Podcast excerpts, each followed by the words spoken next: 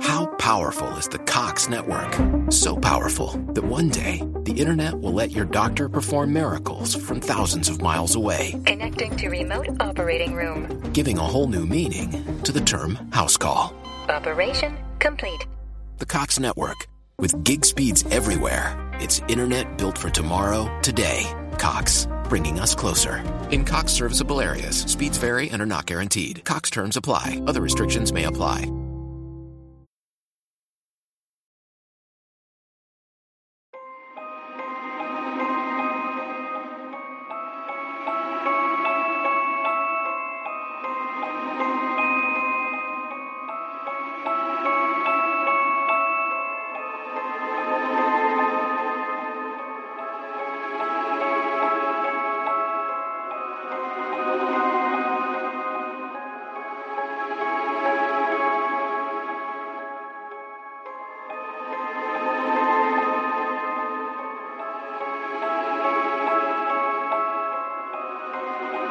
Känner du, kära lyssnare och medvandrare på gamla och nya stigar, ett sug efter att känna dig fri från alla hämningar om natten?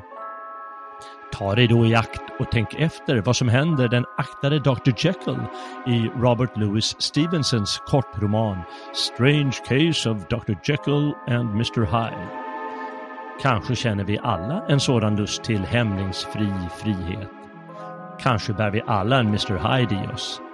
Vad innebär det i så fall för människan?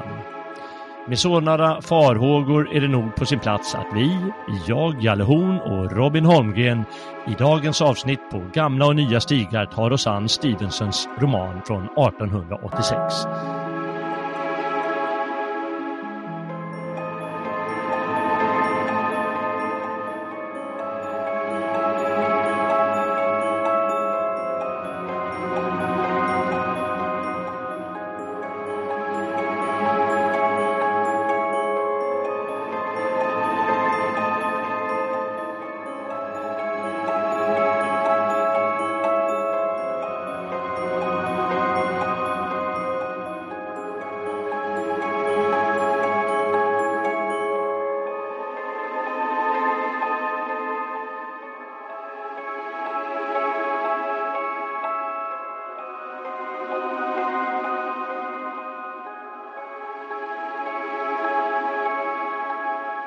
Välkomna lyssnare och välkommen Robin. Tjenare! Ja, från, från Du sköna nya värld till eh, Dr. Jekyll och Mr. Hyde, så det är mycket hämningslöshet nu. Ja, det är det. Du kan ju välja vilken värld, värld du föredrar. En där du förvandlas till Mr. Hyde på natten eller Du sköna nya värld. Ja, då väljer jag nog faktiskt Mr. Hyde. Ja, det gör jag också. Bättre det än tomhet. Ja, alla dagar. Ja, hur är det med dina monster i dig?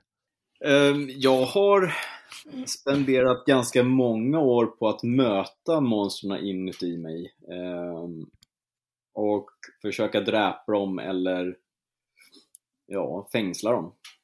Mm. Jag, jag tror att det, det är en vettig idé att se sina egna svagheter och försöka avlägsna dem.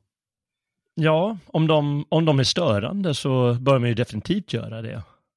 Ja, det finns ju alltid någonting som gör som är störande för någon människa. Men... Jo, det är klart, ja, men det kan ju vara mer eller mindre störande. Ja, ja, om det är lite mer störande, då är det ju ja, då är det ju faktiskt så att man verkligen bör ta tag i det och eh, samtidigt är det ju svårt. Ju, ju, ju, svårare de är de här, som man säger på tyska, inre Schweinehunds, Mm. desto mindre vill människor ofta ta itu med dem.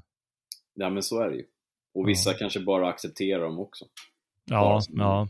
Men det är Då ju får den man här... hoppas att de inte yttrar sig för, för jävligt. Ja, men precis. Men Mm. eh, jag, jag tror att om man fostras till att inte vara svag så tror jag att det blir lite lättare att eh, ta hand om de här mörka sidorna inom, inom dig. Ja, det där kan jag nog säga att det inte alls behöver vara så. Inte för min egen del, men jag känner igen det där med folk som, ja, andra människor som eh, ändå har, ja, varken om de har fostrats sta- styrka eller svaghet kan dras med det där och har svårt att hantera det.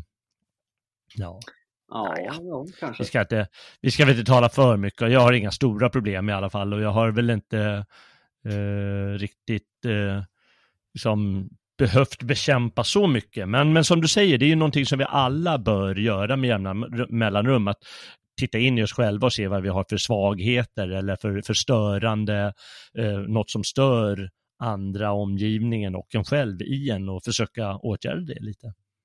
Ja men precis, mycket handlar ju helt enkelt bara om att göra den här egna reflektionen och försöka bli bättre på saker. Eh, bli en bättre människa på alla olika sätt. Mm. Ja, det kommer man långt på. Ja, Hur som helst, jag har i alla fall tagit tag i en sak och lyckats ordna med en eh, mailadress. bra. Jag har tjatat till mig en Svegot-adress och äntligen fått den. Och eh, då är det ju för, det är för att lyssnare ska kunna lämna kommentarer eller ja, bara, sä, bara säga sin mening om en sak eller någonting som någon funderat över. Ja, helst ska det ha att göra med, med de här programmen. Mm. Men om man absolut måste får man väl berätta någon annan historia också kanske. Ja. Och eh, den eh, e-postadressen heter alltså jalle svegot.se och tänk på du som lyssnar och eh, känner det där suget att skriva någonting. Eh, då är det alltså jalle, eh, inte HJ utan J-A-L-L-E svegot.se. Jag skickar gärna in lite tips på intressanta samtalsämnen också. Precis. Det vill vi alltid ha. Det är alltid roligt när man slipper tänka ut dem själv och få lite bra idéer. Vi kan inte lova att vi tar exakt det som någon frågar om, men liksom en del av det i alla fall, eller någon, något uppslag därifrån. Ja, om det är intressant. Så... Ja, precis. Om, det, om, man, om man, man ska klara av det liksom. Man ska kunna, kunna studera in någonting och, och ta reda på någonting och, och känna, känna lite lust till att ta hand om det. Ja, jag skulle vilja Mm. uppmana lyssnarna till att skicka ett specifikt mail till dig. Mm. Ja, gör det. Så det skulle vara trevligt om eh, några lyssnare kunde skriva till Jalle och säga så här att eh, vi vill verkligen höra er prata om Liftarens guide till galaxen. ja. ja, det. Ja. Nej, jag har ju fortfarande inte boken här någonstans. Jag vet faktiskt inte var den är. Jag vet att jag har den. eh, Men jag såg den inte i Svenskans hus när jag var där sist. Ja, Den är på vift ute i galaxerna någonstans. Ja, den är nog det. Som Ja. episka handboken är som steppvargen med dig. Den har gått och gömt sig. ja gisses, jäkla ungar alltså. Ja. Ah, ja. Vi, vi får se vad de skriver. Vi ska väl köra igång dagens eh, ämne i alla fall. Jajamän. Och eh, det är ju alltså som sagt en kort roman. Den är ju knappt 100 sidor. Mm. Kanske beroende på tryck, kan komma ner i 50 sidor kanske. Av Robert Louis Stevenson, en skotte som levde på 1800-talet. Det här har vi skrivit upp det, 1850 till 1894. Han levde då i Skottland och England och USA och mot slutet av sitt liv eh, på Samoa faktiskt. Eh, Mm. och han var, ja men han var arg på, han visade liksom eh, klart, eh, ska jag säga, ilska mot eh, imperialistländer som Storbritannien, USA och Tyskland som höll på att skulle kolonisera de här småöarna ute i Stilla havet. Mm. och eh, kämpade för att de skulle liksom kunna hålla sig självständiga. Men det var ju förgäves. Eh, de blev ju uppstyckade allihopa. Jajamän. Ja, ja. Han eh, ska eh, Stevenson han var inte känd för sin, eh, sin politiska gärning direkt i första hand, utan framförallt sina äventyrsböcker. Eh, som har översatts till alla världens språk och inte minst då den mest berömda Skattkammarön, som väl Mm. alla har läst eller sett film eller konfronteras med på något sätt. Ja, verkligen. Ja, och eh, den är ju, han räknas ju då som eh, en av de största äventyrsförfattarna. Eh, Stevenson. Man kanske borde läsa Skattkammarön en gång till då. Ja, just det. Jag råkade ha den faktiskt i samma volym som Dr. Jekyll och Mr. Hyde. Nu har jag lite annat Jaha. framför mig så du får väl vänta men det är nog något att ta tur med. kan man snacka om lite om pirater och alla möjliga grejer. men men, eh, nu var det ju Dr. Jekyll och Mr. Hyde. Ursäkta? Ja, jag tänkte bara fråga vad du hade för utgåva. Jaha, ja den har ju då översatts, eh, den, ja, Skattkammaren har vi säkert översatts jättemånga gånger, men Dr. Jekyll och Mr. Hyde har jag en från, 19, från 40-talet, eh, någon som okay. heter Edgar Lund. Ja, okay. Vad har du kommit över? Nej, jag har en ny en, eh, från ja. Modernista från 2017. Ja, men Modernista de är lite fräckt förlag som eh, tar och översätter gamla grejer. De, de ser till att få eh, bra kontrakt där de tar över rättigheter. Mm -hmm. Eller så använder de sånt som har gått ut. Eh, och så skönar de upp det lite och så låtsas de om att det är en ny översättning eller något. Ja, ja, ja. Så du har jag... säkert ingen ny översättning, utan den har säkert några på nacken. Ja, säkert. Ja, eh, men, men man får se det ändå som en gärning att de ger faktiskt ut eh, böcker, Modernista. Och eh, ja, då får väl de tjäna pengar på det. Men jag tycker de kunde vara lite klarare med det ibland, det här förlaget, att ja, men det här är en gammal översättning bara så ni vet det. Mm. Översättningen mm. var från 54, såg jag nu. Ja, just det. Ja. Naja, det, i det här fallet gör det inte så mycket, utan det är ju en ganska, det är inget av de största konstverken, så Nej. Liksom, poesi kräver ju sin, sin, sin översättare lite mm. högre omfattning än en vanlig en sån här kort roman. Ja. Mm. Men ändå i alla fall, det är, det är stor litteratur och uh, har ju också filmatiserats många gånger, liksom Skattkammarön. Mm. Som det, det är sånt där, lite rafflande och så. Och eh, ja, den har ju en handling och nu behöver vi ju inte skämmas för att, att säga, inte kanske direkt hur det slutar, men liksom i, i den här eh, romanen så drar han ju väldigt snyggt på det, Stevenson, med avslöjandet. Eh, att om man inte vet vem Mr Hyde är, då, då liksom är det väldigt spännande. Men vi alla, det är ju liksom som en arketyp i vår eh, kultur under de senaste 100-150 åren. Att eh, vi vet att Dr. Jekyll och Mr. Hyde är samma person. Ja. Men, eh, men den som inte visste det och läste det då så kommer det säkert som en lite eh, chockartad upplevelse, skrämmande upplevelse verkligen. Oh ja. Och drar en ju snyggt på. Eh, men ja, så, så i boken så handlar det mer om en vän till den här Dr. Jekyll, en, en advokat som heter Utterson. Mm. Och han, du, du kommer få hjälpa mig lite för jag kommer komma av mig lite känns som, men han, han kommer på, på spåren om den här Mr. Hyde genom en vän som berättar en incident som den här Mr. Hyde har eh, varit med om, där han liksom trampat ner en liten flicka på eh, högst liksom, burdust, ohövliga ja, kanske lite där till, liksom inte trampat ihjäl henne utan liksom, jag vet inte, kanske mm. sparkat ner henne när hon, när hon gått förbi eller något. Ja. Eh, och den här incidenten, eh, får de tag på den här Mr Hyde och frågar vad håller du på med, vad är det här liksom, det här ska du få, du kan inte ta den till polisen för det här lilla fallet kanske, men de tvingar av honom 100 pund, annars mm. ska de eh, tala om det här för offentligheten. Och eh, då får han betala de här 100 punden med en check som står utskriven på Dr. Jekyll. Och mm. då dras den här historien igång för den här Utterson. Jaha, Dr. Jekyll, vad konstigt, det är ju min vän ju. Mm. Och så tänker han att det är utpressning och så vidare.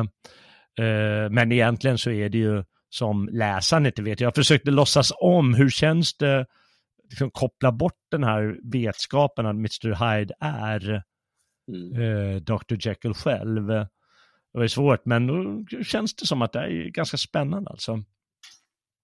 Ja, men det, det, det, är ju det. Det är, det är en väldigt prydlig bok, om man säger så. Mm. Den är väldigt lättläst och eh, eh, han har väldigt bra, enkelt språk, måste jag säga. Ja, ja men det är, det är väl enkelt. Jag vet inte hur det är när man läser det i eh, eh som skotsk engelska, slutet av 1800-talet, men ah, det är väl inte så besvärligt att ta sig igenom. Så visst, nej, men det är ju ganska ganska enkelt och trevligt att läsa. och eh, det, liksom, för att dra, dra handen lite till i alla fall så, så eh, kommer man allt närmare det här problemet med hur eh, Mr Hyde sitter ihop med Dr Jekyll. Vad är det för liksom konstellation här? Mm. Och han beter sig un väldigt underligt den här Dr Jekyll. Tidvis verkar han bete sig normalt igen, men sen så bara försvinner han plötsligt och så är det någon annan vän till dem som dör. Som den Ja. här Mr Hyde har ihjäl. Mm. Och då laddas det ännu lite högre. Och sen så Mr Hyde, då, eh, ja, jag vet inte, vi ska kanske hålla lite öppet för, för läsaren vad som händer framåt slutet. Men det tätas åt och Mr Utterson liksom vill avslöja det hela på något sätt och han får sakta men säkert eh, möjligheten. Men egentligen är det ju så att Dr Jekyll och Mr Hyde är samma person genom att Dr Jekyll, han vill han vill, eh, han fått en idé att, eller eh, liksom, genom vetenskapliga experiment och eh, liksom undersökning av sig själv har han upptäckt eh, hur människan har flera naturer, Mm. alltså renodlade naturer. Och egentligen har han kanske många sådana naturer, men framförallt får han fram då två stycken, den dåliga sidan och den bra sidan, som han lyckas särskilja. Och, eh, och det särskiljer han då liksom med en, eh, det är laboratorium va, med en dryck som man dricker och då blir han där Mr Hyde som är liksom eh, som skurkaktig, han är helt hämningslös eh, som, som jag sa i inledningen där. Mm. Han är, han är liksom oartig, han är burdus. Han är vad jag skrivit någonstans här, motsatsen till en sån engelsk gentleman. Verkligen. Ja, verkligen. Och han är liten också. eh, Ja, han, han kroppsligt förändras han också från liksom en eh, ståtlig, eller som inte ståtlig, men en liksom ordentlig person som går upprätt och eh, eh, nickar artigt på huvudet inför andra människor och så, så är han liksom lite förkrympt och konstig den här Mr Hyde. Mm. Ja, han både ser skum och, och hemsk ut. Alla, de vet inte vad det är, men det är någonting som gör att han utstrålar någonting vämjeligt. Jajamän, ska jag Och, läsa upp eh, en beskrivning? Ja, har du en beskrivning? Jajamän. Den okände var blek och dvärglik till växten. Han gjorde intryck av att vara vanskapt utan att man kunde peka på någon speciell missbildning. Han hade ett obehagligt leende. Han hade uppträtt mot Utterson med en otrevlig blandning av skygghet och fräckhet och hans röst var hes, viskande och liksom sprucken. Mm. Mm. Den Ja. Så, man, Så ser ett man... monster ut. Verkligen. Men vi kommer komma fram till lite vad, vad jag menar med det. Men i alla fall, han har särskilt de här naturerna åt och han blir Mr Hyde och när han druck, druckit den här drycken och då kan han leva lite utsvävande liv och, och han har liksom haft det i sig, Dr Jekyll, att eh, han kan inte riktigt låta, låta bli att, eh, han är väl ung karl och, och gå ut på, på nätterna och kanske hålla på med lite dobbel och, och andra saker, Mm. lite utsvävningar. Eh, Och eh, nu kan han göra det mer hämningslöst. Och det bra med, med, med saken, innan du kommer in, är att han, Mm. när han är eh, Mr Hyde, då kan han göra det här utan dåligt samvete. För det har han ju som, Mr, som Dr Jekyll. Då har Ja. lite dåligt samvete att, le- att han lever det här utsvävande livet, för det ska man, en moraliskt redig person inte göra. Och när han är Dr Jekyll, då slipper han den här onda delen riktigt, för den ligger liksom i sån dvala, för den får ju utlevelse på, på nätterna ibland. Ja. Men till slut tappar han ju kontrollen över det här och, och Mr Hyde gör sig, förvandlar, han förvandlas till Mr Hyde utan att ta dryck, utan det bara händer. Mm. Och på slutet blir han desperat för att det saknas någon eh, ingrediens. För att för han förvandlar honom antingen, jag kommer inte ihåg, till Mr Hyde eller tillbaka. ja Och då liksom-. Ja, just det.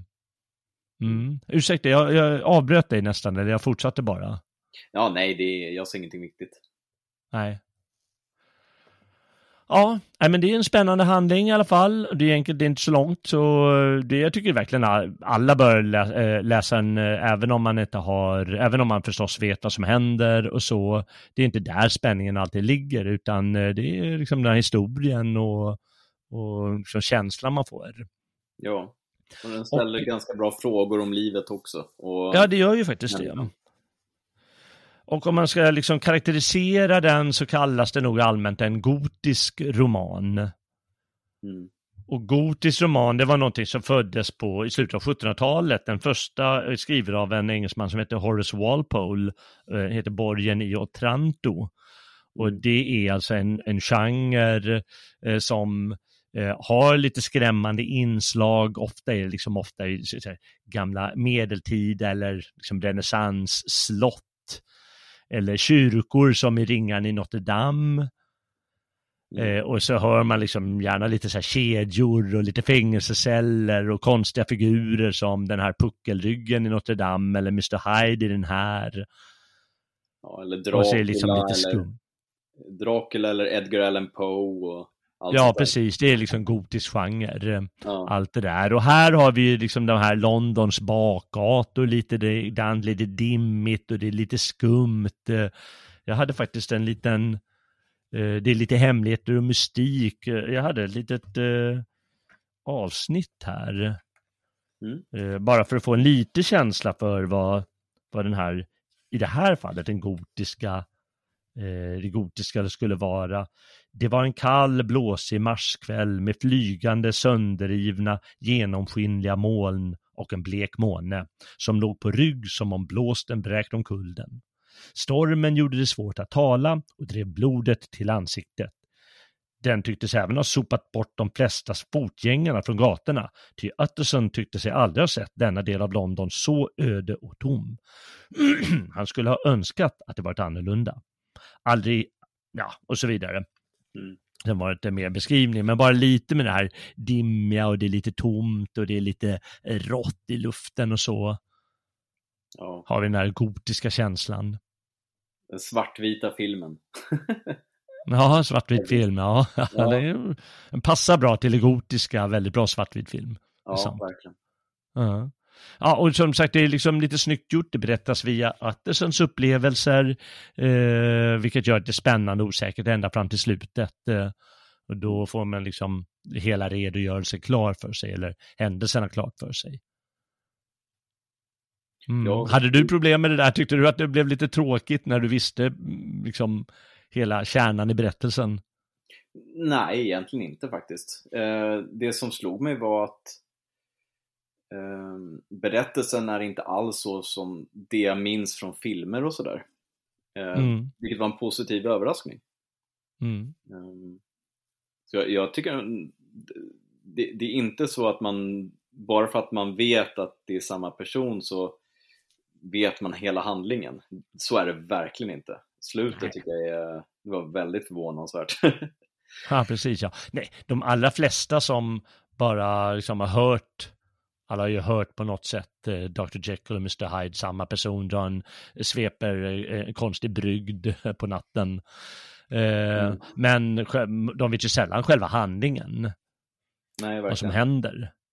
Nej. Men vet de ens att... Och eh, det finns tydligen, jag läste lite, jag tänkte jag skulle kolla på någon film eh, nu, men jag hittar inte. Men det finns någon känd från 1931, det vet jag inte om stumfilm, och sen så en sorts remake på den från 1941 med Ingrid, Ingrid Bergman tror jag. Jaha. Hon är alltid härlig att se på, hon är väldigt vacker tycker jag. Det fanns eh, en film för oh, herrans många år sedan också som gjorde ett nytag på Jekyll och Mr Hyde. Men det var i Mm. samband med andra karaktärer som, som sprang runt. Men då är ju Hyde är ju helt annorlunda från boken. Han är ju stor Ah, ja, ett ja. monster liksom. Ja, nej, jag har nog inte sett den, eh, tror jag. Den har kommit de senaste 20 åren eller? Ja du. Ja, Det, är en när man modern börjar bli till åren då blir, då blir det allt svårare att komma ihåg hur många år som har precis. Nåja, det kan vara som det är. Man, man, det, lyssnarna får väl hitta sina varianter av det hela, men eh, boken finns alltid där i några olika översättningar. Och om man ska ta liksom eh, motiv eh, så, så tänkte jag det första när jag tänkte på det här, är att det är en variant av dubbelgångarmotivet. Eh, Ja, att eh, även om han är annorlunda Hyde så är han liksom någon form av dubbelgångare till den här Dr. Jekyll, hans, hans, hans onda genius som ett annat. Eh, eh, dubbelgångarmotivet, det, det har ju använts då, har skrivit det första gången tror jag av eh, eh, E.T.A. Hoffman, Ernst Theodor Amadeus, va? en eh, tysk eh, författare som verksam här i Berlin. mm.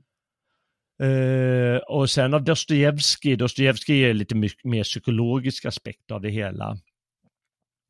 Och det här har jag läst i, liksom, i någon idéhistorisk bok, att det är väldigt skrämmande för oss moderna människor på grund av att vi har en idé om att vi har en unik identitet. ja. Och om man tänker flera hundra år tillbaka i tiden så var det snarare så att folk tänk, att man menar att människor är mer typer. Ja. Visst, alla är unika i Guds ögon, att man har en unik själ. Men liksom här på jorden blir vi som, som typer. Att ja, men du är den sortens människa, du är den sortens människa med den sortens karaktär och så vidare. ja. Och då var liksom den här un- unika idén som vi har sedan åtminstone slutet av 1700-talet eh, var ju liksom inte så framträdande. Men för oss när vi har en unik identitet och så plötsligt har vi en dubbelgångare, då blir vi rädda. Mm. För vi vill att vår identitet ska vara fast. Mm. Och då är det liksom något skrämmande och då kan man ju känna att ja, men det är faktiskt ganska läskigt om man tänker att man har en, en, ett monster i sig som går lös sådär utan att vi liksom riktigt kan kontrollera det. Ja, verkligen.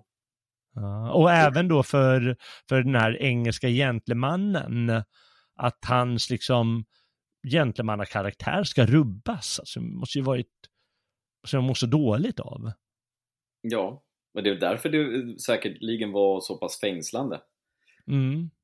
Och jag slog när jag läste och, och han besk- de försöker beskriva eh, du, du läste upp lite där, inte om det är det avsnittet, men de försöker beskriva en Hyde, men de, de säger att de, ja, det går inte riktigt att beskriva honom.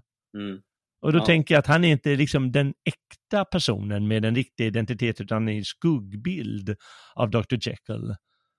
Ja. Han kan ju på något sätt beskrivas klart, Dr. Jekyll, men inte den här Hyde. Nej, men det beror ju också på att ingen vet vem Mr Hyde är.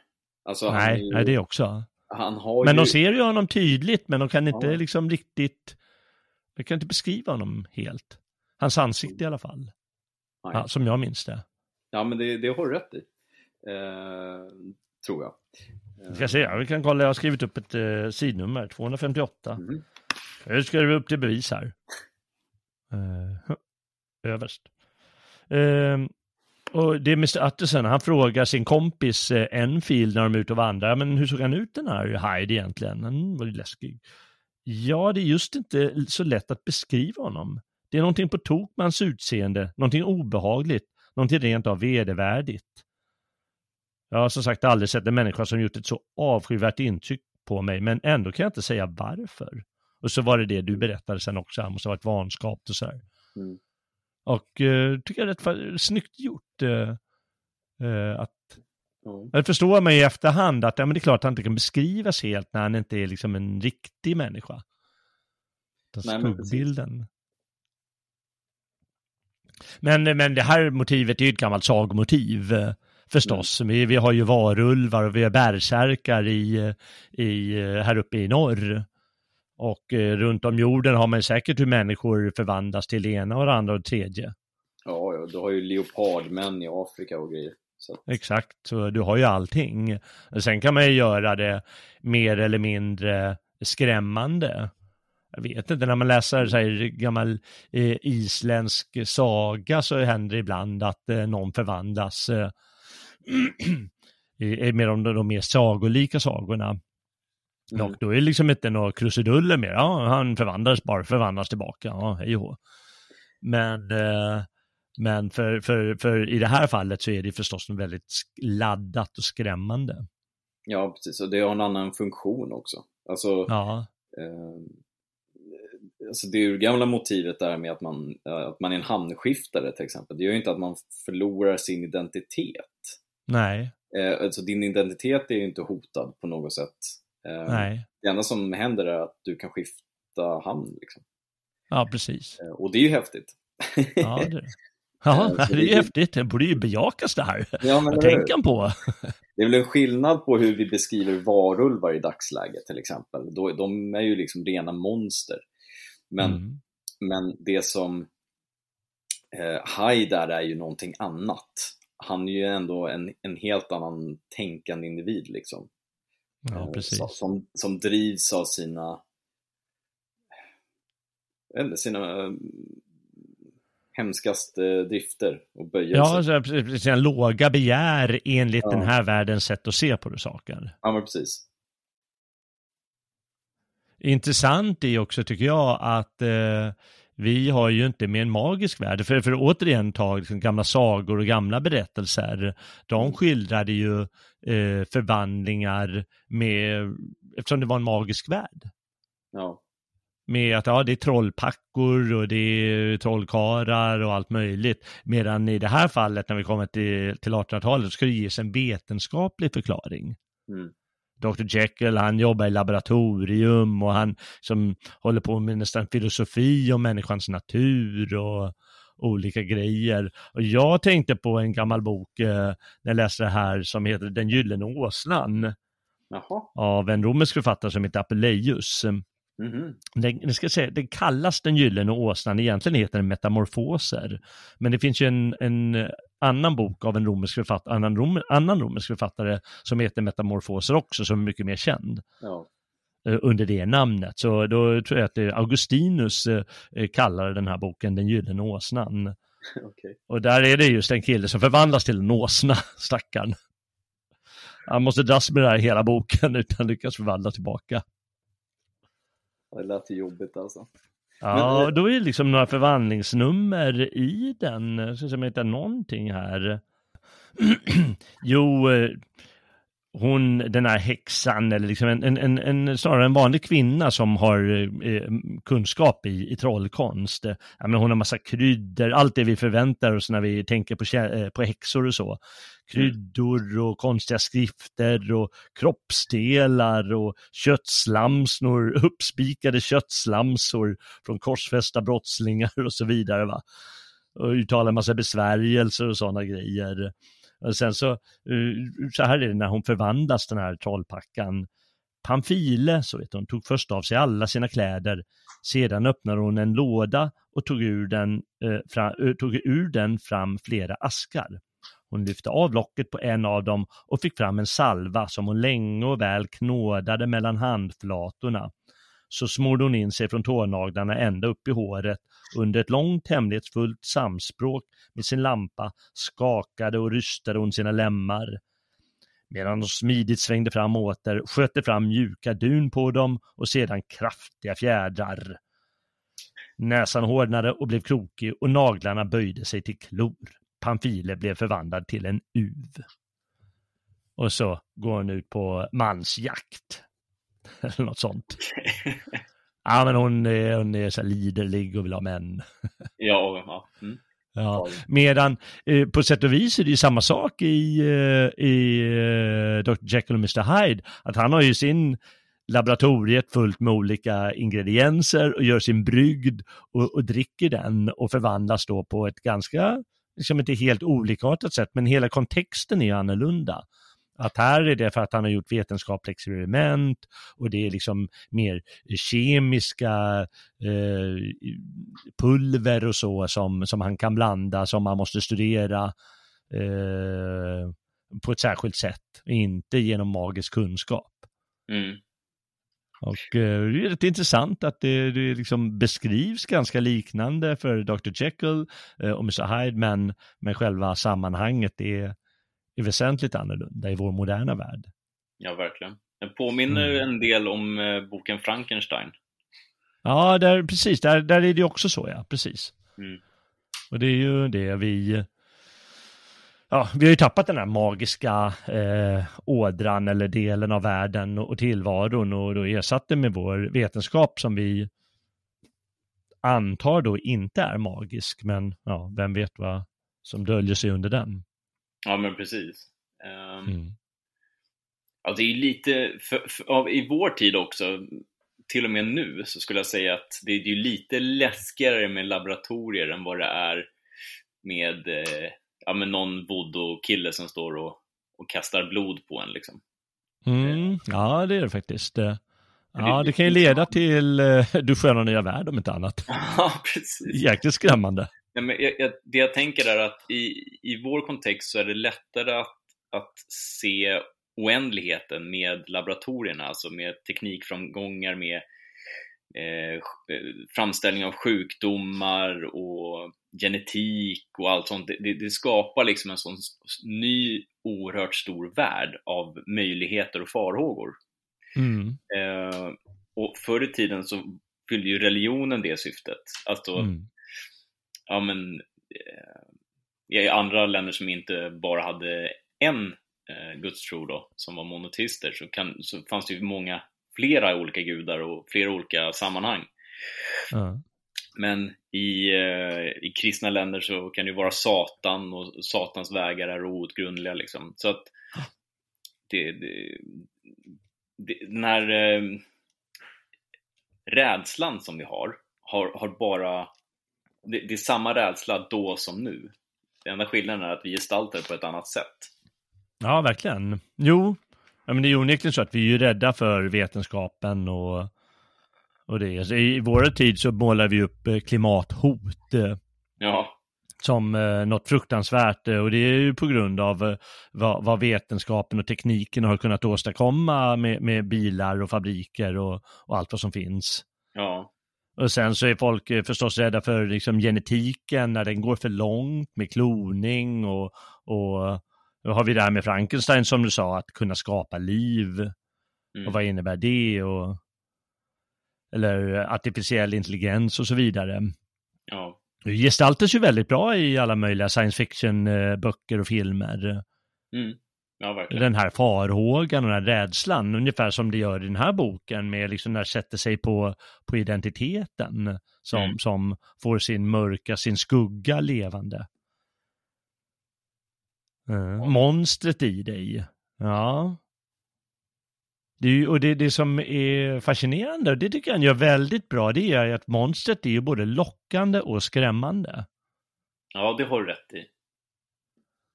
Och det är ju det. Jag menar, vem, vem särskilt jag kan vara så att, eh, jag ska inte prata om att jag har massa hämningar och konvenans, men jag kan vara ganska blyg och Ja, men tänk alla, alla tjejer som har träffat eh, för länge, länge, länge sedan. Eh, varför, varför jag vet inte, jag kunde inte hantera det, eller för, för blyg eller någon form av bisarr hämning. Mm. Och fatta om du inte styrs av dem som vissa människor som gör att ja, men jag bara kör på. Jag startar mina företag och jag bara, jag bara kör på. Medan alla tänker efter, ja, undrar om jag gör rätt nu eller gör fel nu eller vad är det för någonting? Mm. Eller i uppträdanden, alltså varför inte bara roa folk och säga roliga grejer? Nej men då har vi, undrar om de tycker illa om jag drar det här skämtet. Eh, Ja. Den här konvenansen vi dras med. Så det är ganska lockande med Mr Hyde också. ja, det är det ju. Men för de låga drifterna, de är ju drifter. Så vi har dem ju av en ja, de, de är ju trots allt drifter. Så det hade varit intressant om man hade benat upp det lite mer vad det var för drifter alltså. Nu, nu får man ju bara en sån här mental bild av alla möjliga sorters hemskheter. Men eh, Ja, det kanske var ganska eh, självklart där eh, andra halvan av 1800-talet, under den här viktorianska tiden, ja. Man, vad det var för någonting. Och jag drog ju bara till med dobbel, att man går ut och spelar dobbel eller man går ut och, eh, jag vet inte, jag håller väl på, man går väl på bordeller förstås. eh. Det var väl inte sånt fuffens, men man, man pratade ju inte om det på den tiden att man gick på bordellen. Mm, Utan det var bara någonting man gjorde. Borg, borgarmannen, han har ju sin borgarfru hemma, eh, men henne har han ju ett liksom särskilt förhållande med och sen så ska man väl ut och leva ut de där drifterna på bordellen. Men man talar ju inte om alla de grejerna, så det var väl liksom outsagt då, men självklart för de flesta. Men, men vi, kan, vi har väl lite svårt, jag vet inte vad mer han kan gjort än att eh, spela eh, och eh, gå på bordell. nej, du, Supit och svirat förstås. eh. Ja. Det är väl kanske bara det att umgås med fel sorts människor. ja, så kan det ju vara. Så enkelt. Så enkelt liksom. Man får kanske tänka som i Pinocchio. När han börjar umgås med den här, eh, lite, de går och spelar biljard och drar fräcka vitsar och, och håller på sådär. Och då vet man ju att du är ju ett slippery slope då. Ja. Det börjar, börjar med eh, biljard och slutar med heroin. Så illa är det. Ta det i akt, lyssnare. Kommer spela inte biljard ikväll. Utan aldrig du slutar. Ja, Jesus. Ja. Nej, eh, det är lite svårt att sätta finger och vi tycker väl att det är lite löjligt hur, hur de tänkte då, men det är säkert någonting i det. Och på den, på den tiden var det en annan sak att vara en gentleman. Mm. Jag menar den, du eh, som är, är en redig kar och så, eh, du är trots allt bara en skugga av en gentleman, föreställer jag mig, jämfört med de här människorna på den tiden. Ja, säkert. De, vilken hållning de måste ha, liksom inte att de är resliga, utan att de, de bara står för en sak och ja men det är så här det är, och så ska det vara.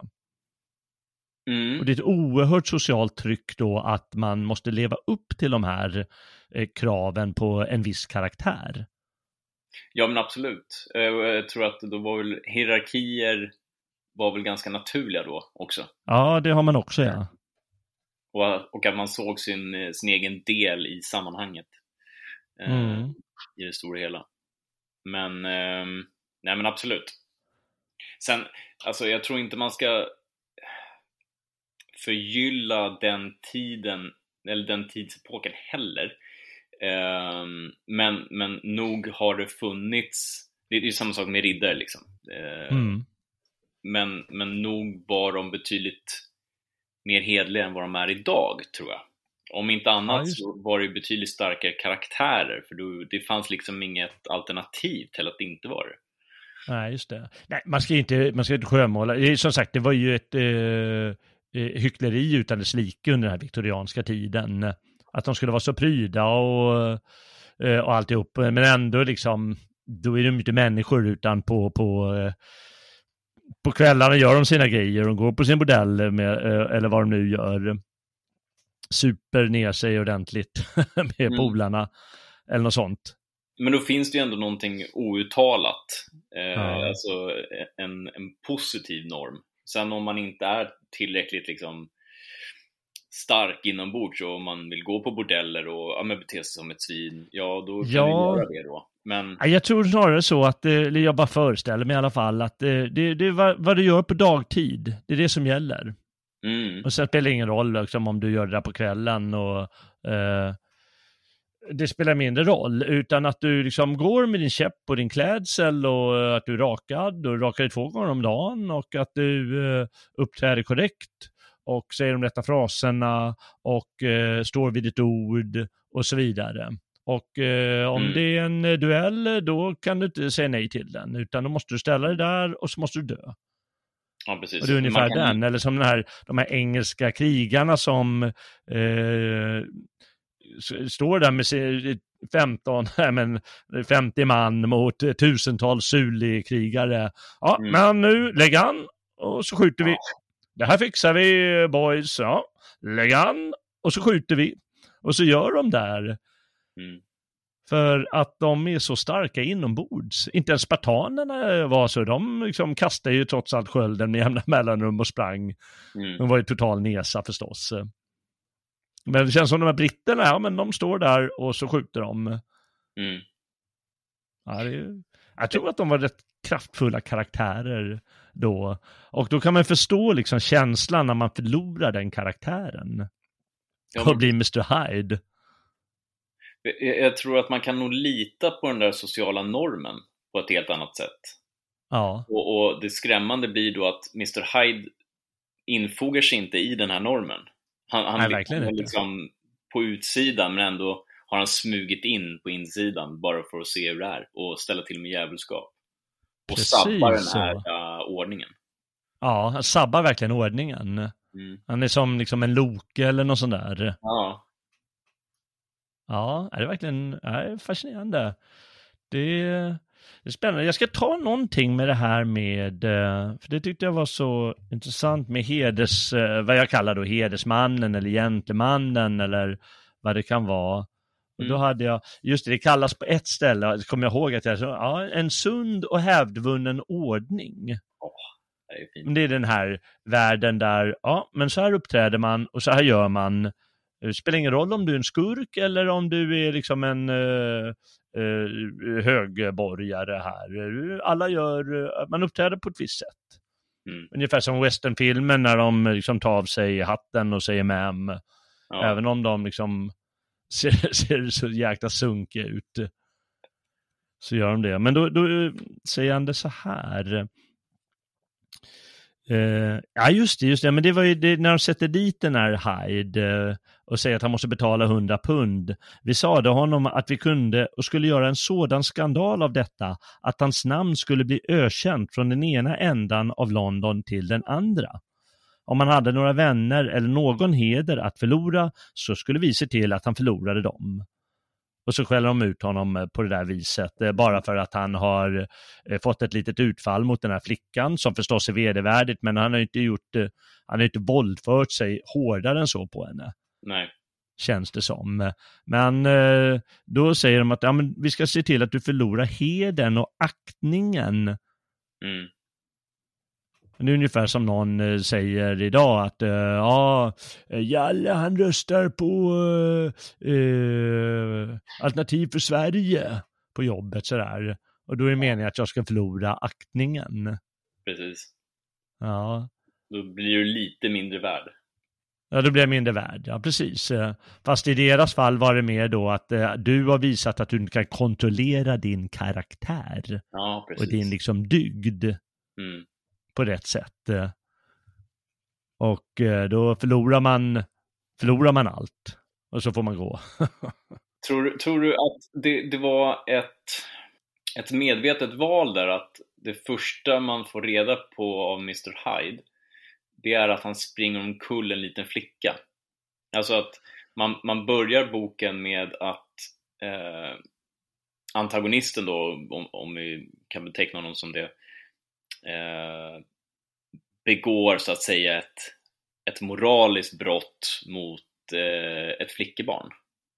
Ja. Tror du att man sätter liksom ribban där då? Att det var medvetet? Ja, svårt. Jag kan inte svara på. Okay. Jag tänkte snarare, jag tänkte mest när du sa det att eh, han börjar ganska milt. Den börjar liksom inte med ett mord. Nej på en gång utan tar en lite, liksom en vämjelig handling, liksom en äcklig handling på alla sätt men liksom inte så, inte fruktansvärd. Ja okej, okay. ja men det, det kanske bara i, inte, i, i, min värld, ja mord är ju såklart hemskt och sådär men, men jag ja. tycker ändå att mord kan vara berättigat. Ja, ja jo det har du rätt i. Men att ge sig på ett barn är aldrig berättigat. Nej, nej exakt. Det, men, men det, ja, då, det ligger väl mycket i det du säger. Då, då läser jag i boken utifrån liksom mina premisser och det, det, det kanske är fel i det här sammanhanget. Men, ja. men det skulle vara intressant om... Eh... Ja, jag vet, nej, svårt att säga. Du vet ju att barnet eh, blev ju, jag menar på 1600-talet, då var det ingen som brydde sig om barn. De är ingen skillnad på en höna och ett barn. De är som husdjur. Och sen det är först när de blir tio liksom, då blir de vuxna. Ja, men då är du vuxen här. Och då blir det människa. Eh, så, så föreställer jag mig att det, det var eh, lite grann eh, tidigare. Men sen så barnet uppvärderas väldigt mycket kring år 1800. Mm. Och om du tänker en annan engelsk bok, eh, jag tappar namnet på den bara för det. Stackars eh, barnet som måste leva under den här fägen i London och stjäla grejer av eh, människor. Det är jobbigt, nu kommer inte jag på det heller. Nej, titta runt i ditt bibliotek nu. Ja, men det är helt otroligt. Det är bäst vi kollar upp det på en gång. Ja. Pinsamt! Nu har ju lyssnarna möjlighet att skicka in sina klagomål på mejlen i alla fall. Ja, precis. Eh, Charles Dickens heter han förstås. Ja, just det. Ja. Och eh, han har ju skrivit en berömd bok som heter... Men eh, den heter ju varken mer eller mindre än Oliver Twist. Ja, men... Ja, exakt. Alltså. Och eh, Oliver Twist, men det handlar ju också om att man utnyttjar barn på ett så här eh, fult sätt. Med, med, med, med en sån, också liksom sån gotisk känsla och en sån skurk som den här fägen är. Mm. Och eh, så det där med att det ändå är ett, ett litet barn på det där sättet, det, det är nog ändå som du säger att det visar att han är moralisk stygg, styggelse till person, Mr Hyde. Och det är, äh, jag bara föreställer sig att det är monstret i en då. Eh, att man är sådär hämningslös och burdus. Eh, men hur, hur föreställer du dig att det skulle vara idag? Om man eh, skrev en Dr. Jekyll och Mr. Hyde. Om någon kom på den idag, eh, den idén först idag. Oj. Vad skulle han göra mm. som Mr. Hyde? Alltså om jag ska vara helt ärlig, för det, jag tänkte just på den här frågan i början av eh, det här samtalet. Tänkte Mm. jag här, han hade väl säkert blivit typ Sverigedemokrat eller så här, en äkta rasist. Liksom. Ja, just det. Eh, så här, ja, jag ska hämnas på de där jävla babbarna liksom. Eh, så att han, han lever med Volvo villa och alltihopa. Volvo. Eh, Ja. Han ska gärna vara lite, just det, han ska vara lite fin i kanten så här egentligen. Och sen blir han Sverigedemokrat på natten. Jobba med reklam, eh, ha barn som man inte träffar. Eh, och så liksom händer någonting och så bara nej men, nej, men det blir lite den här fall, falling down varianten liksom. Eh, men jag, men jag tror att i dagsläget, om man nu läser vanlig media, Mm. så, så är man ju mindre värd om man anses eh, se ner på andra människor och då ser det som att andra människor har ett mindre värde då. Mm. Ehm, men ja, det där har blivit lite bättre med åren tycker jag. Jag tycker det var mycket värre för tio år sedan. Men, Okej, ja, och vad var det? Var, var PK-stämningen värre då? ja, men det, jag tycker det, absolut. Ja, Eh, okej. Jag har ju förlorat jobbet för att jag var nationell. Utan att jag herregud. då var liksom uttalat nationell. Ehm, så att, ja, det tycker jag. Okej, ja, men man blir det, men vad gör man för handlingar då? Nu vet jag inte vad den här Mr Hyde gör. Han gör ju i, i boken så, han, det är ju bara att han begår det här mordet när han tappar fattningen helt. Han, inte, alltså, han tappar inte fattningen helt den här Mr Hyde, eh, verkar det som i vanliga fall. Det är inte så att det är massa mord i London, eh, utan det är vid ett tillfälle då, då mördar han en, eh, någon annan advokat eller doktor eller någonting. Men, men det är ju det som är så svårt när, när, man, när man ser det i, i alltså dagens kontext. Då hade det ju varit någonting som har antingen med pedofili att göra Mm, eller med alltså, någon typ av hatbrott, tror jag. Mm. Eh, för att det här med att han, har, han drivs av sina drifter och sådana där saker, alltså det, det är ju standarden. Men det, det, det, det ska man ju bejaka idag. Ja, men precis. Eh, Det är sant. Så att det, det tror jag inte, det väcker liksom ett intresse för en nutida läsare. Nej, Eh, nej. Det är faktiskt verkligen intressant det där. Att eh, vi har ju verkligen under 1900-talets gång då Mm. och eh, har vi förlorat det där konceptet att man ska, man, man ska uppträda på ett eh, bestämt sätt. Ja. Och det är väldigt viktigt. eh, Och den här Ja. konvenansen, den finns men den tar liksom helt andra uttryck, eh, uttryck idag.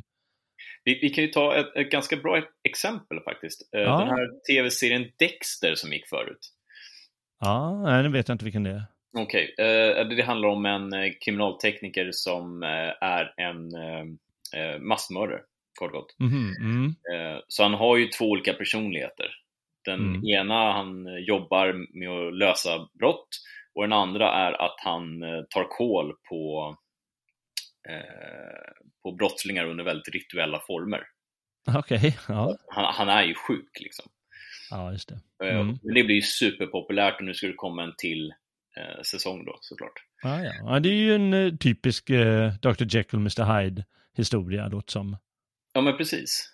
Eh, Ja. Att jag tror att mm, vi- vissa saker, när, när det kommer till död och våld och sådana saker, i och med att det är så få människor som ser våld och död, Mm. eh, så tror jag att eh, ju brutalare den blir, desto mer tror vi att den blir sanningsenlig. Att det är så här ett mord går till. Liksom.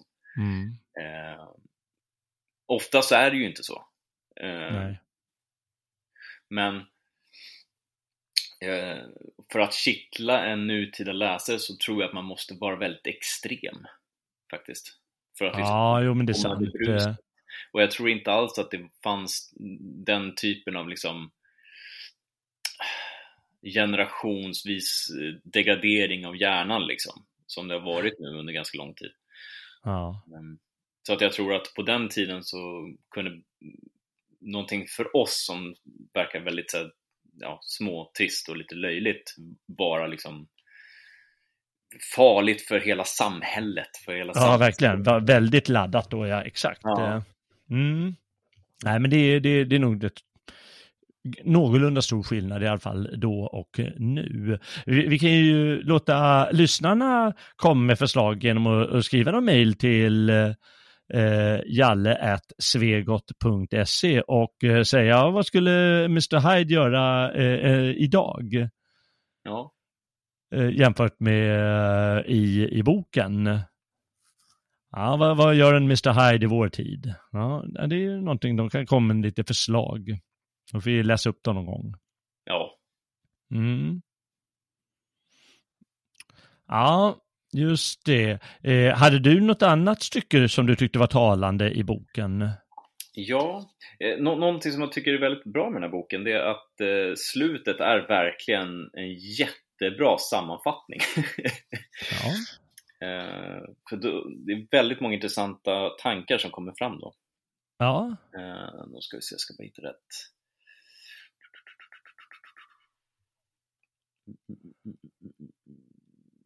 Ja, den här tycker jag var väldigt fin. Mm. Jag fann att det verkligen existerade ämnen som var kraftiga nog att skaka och skjuta åt sidan denna kroppsliga dräkt, liksom vinden sliter loss förhänget på ett tält. Av två goda skäl skall jag här inte nämna, närmare gå in på eh, den vetenskapliga sidan av min bekännelse. Det första är att en bitter erfarenhet har lärt mig att vårt livs börda för evigt är lagd på människans axlar och att om man för ett ögonblick försöker kasta den av sig kommer den tillbaka och trycker ännu fruktansvärdare än förut. Och det här är ju eh, samhällsapparaten om något liksom. Alltså det här med att eh, om du försöker frigöra dig från den här hierarkin så blir du liksom bestraffad för det. Och ju mer du försöker ta dig ut, desto hårdare trycks du tillbaka. ja just det. Ja, ja men det är sant. Ja, är det spännande? Ja, Det är ju verkligen Mm. så. Det, är, det, det kan man sammanfatta ganska bra med hur det liksom händer att man, man går utöver gränserna för vad man bör. Ja, men precis. Och då, då får man sitt straff. Det är ju ett urgammalt eh, tema. De grekiska tragedierna handlar ju ofta om det. Mm. Att människan går utöver sina gränser och då får, då får man liksom, det kommer ett straff på posten då bara. Ja, men precis. Vare sig man vill eller inte. Det kan komma flera generationer senare som i kung Oidipus. Ja. Jag sitter här och Mm försöker hitta det sista stycket som var bra. Ja, den här är ju... Ännu vid denna tid hade jag inte lyckats övervinna min motvilja mot ett liv uteslutande ägnat åt enformiga studier. Jag kände ibland ett omotståndligt behov av förströelse och eftersom mina nöjen var, minst sagt, ovärdiga och inte endast var allmänt känd och aktad utan också tämligen till åren blev denna brist på samstämmighet mellan mitt inre och yttre liv dag för dag allt olidligare. Det var i samband med min nöjeslystnad som min nya förmåga frestade mig tills jag föll i dess garn. Jag behövde endast tömma glaset, befria mig från den välkände vetenskapsmannens hölje och kläda mig i Edward Hydes gestalt som en skyddande kappa. Jag log åt tanken. Den verkade lustig och jag gjorde mina förberedelser med största omsorg. Mm. ja, det är verkligen det. det. Där har vi att det är liksom lockande det där. Ja, det kittlar liksom lite. Det Kittlar, det är klart det gör det. Ja, för mig kittlar det väldigt mycket. Vad är det där som han tycker är så dåligt som man gör på nätterna? Den nöjeslystnaden. Menar, går han att gå på bio eller? ja, verkligen. Jag tycker det är så himla bra skrivet alltså, det där brevet. Ja, är det verkligen. Mm. Jo, ja, men han, han får verkligen fram det hur, eh, hur, man, eh, hur man faktiskt dras till det där. Locka fram monstret i sig eller vad man nu ska kalla det för. Och eh, till slut i hans fall då inte kan låta bli. Mm. Och då, Ja. han kommer, han blir slav under sina egna drifter. Ja, det blir han ju. Där har du stoicismen igen då. Ja, just det. Ja. Stoicismen, ja. ja. Jag tror ju att det finns fler eh, inriktningar i, så här, människovetenskaper än stoicismen som säger att man ska försöka ta itu för att hålla sig lite, lite sund till sina eh, värsta drifter. Jo, men nu har jag ju satt mig för att eh, varenda lösning vi har på ett problem ska ju handla, det, det ska vara stoicismen i eh, Ja, på gamla ja alla, alla måste tvångsläsa Marcus Aurelius menar du? Ja, minst. Minst. Alltså, man börjar med Aurelius och så, om man inte äger ett verk av Epiktetos, då, ja, då är man Mm. lite mindre värd i min värld. Ja, okej, ja. ja, det är bra. Då vet vi det i alla fall, allihopa. Det kanske bara är Ja. min egen Hyde som säger sånt. Ja, precis. Ja, kanske det. Ja, nej, men det är ovek- onekligen någonting som är, som är alltid aktuellt. Att eh, hur långt kan man låta de här lustarna leva ur sig? Mm. Det är i alla fall någonting i vår tid som är väldigt, eh, som, alltså de senaste 200 åren som verkar vara, ja, verkar väldigt viktigt för oss. Mm. Och det är väl någonting då att vi förlorar den här fasta personligheten kanske. Ja. Mm. Ja, det är svårt att säga. Men eh, det är intressant i alla fall. Jag tycker att ni sen sätter det på ett spännande sätt, eh, Stevenson, det får man ändå säga. Och det har ju blivit en sån klassiker. Alla känner till eh, själva kärnan i berättelsen. Ja. Ja, verkligen. På, vare sig man har sett film eller inte. Utan det är rätt spännande med sådana här arketyper att eh, det har jag själv tänkt på, men hur kan jag veta det här? Mm. Jag ska inte kunna veta det, för jag har inte sett det och jag har inte läst det här, utan jag bara vet om det. Mm. Och då är det liksom någonting som bara, bara finns där ute. Och då på något sätt vet man om det. Till exempel där Dr. Jekyll och Mr. Hyde. Ja. Ja, det är spännande. Ja, det är det. Ja, Nej, det är så när... ja, Det, det, det är ju den stora drömmen att skapa en sån klassiker Ja. som sätter sig i kulturkroppen. Ja. Mm. Oho. Ja, det kanske, var, det kanske var allt det. Eller kan du sammanfatta det hela på något mer sätt? Nej, jag kan inte sammanfatta det bättre än, än det som eh, Dr. Jekyll skrev det. Det- som jag läste upp då, i slutet. Ja, precis. Det jag- Och det är väl lite kärnan i, i boken och hans problem. Mm. Mm. Ja, det var Dr. Jekyll och Mr. Hydes öde. Vi, eh, vi nöjer oss helt enkelt med det och eh, får väl se vad det blir härnäst. Jag vet inte om vi har planerat in något exakt än. Jag hoppas att eh, göra ett avsnitt eh, med Mats Hellberg om hans skiva Sverige och jag som kom för snart 20 år sedan. Eh, Mm. Förhoppningsvis blir det nästa vecka. Nästa vecka. Och eh, vi återkommer med, med nya äventyr, du och jag Robin. Ja, Ja, det är skönt att höra. Tack för eh, din medverkan den här gången. tack själv. Ja. Och tack eh, alla som har lyssnat och eh, vandrat med här på gamla och nya stigar den här gången. Ja, vad det blir nästa gång, det får som sagt gudarna avgöra. Det, eller Mats Hellberg. Vi får se vad det går, vad som händer. Om du gillar det du har hört i alla fall, då får du gärna stötta oss här på Svegot genom en stödprenumeration eller donation. Eh, och det gör man enklast genom att gå in på svegot.se och klicka sig fram den vägen. Då hittar man det. Och sprid också gärna programmet eh, bland vänner och bekanta. Eh, då bidrar du med lite ökad bildning i världen och inte minst bevarande av vår tradition av spännande berättelser och kunskap och, konst. Jag heter Jalle Horn och tackar för uppmärksamheten. Jag hoppas vi möts på nästa vandring. Tills dess, väl mött frände. How powerful is the Cox network? So powerful that one day the internet will let your doctor perform miracles from thousands of miles away, Connecting to remote operating room. giving a whole new meaning to the term house call. Operation complete. The Cox network, with gig speeds everywhere, it's internet built for tomorrow, today. Cox, bringing us closer. In Cox serviceable areas, speeds vary and are not guaranteed. Cox terms apply, other restrictions may apply.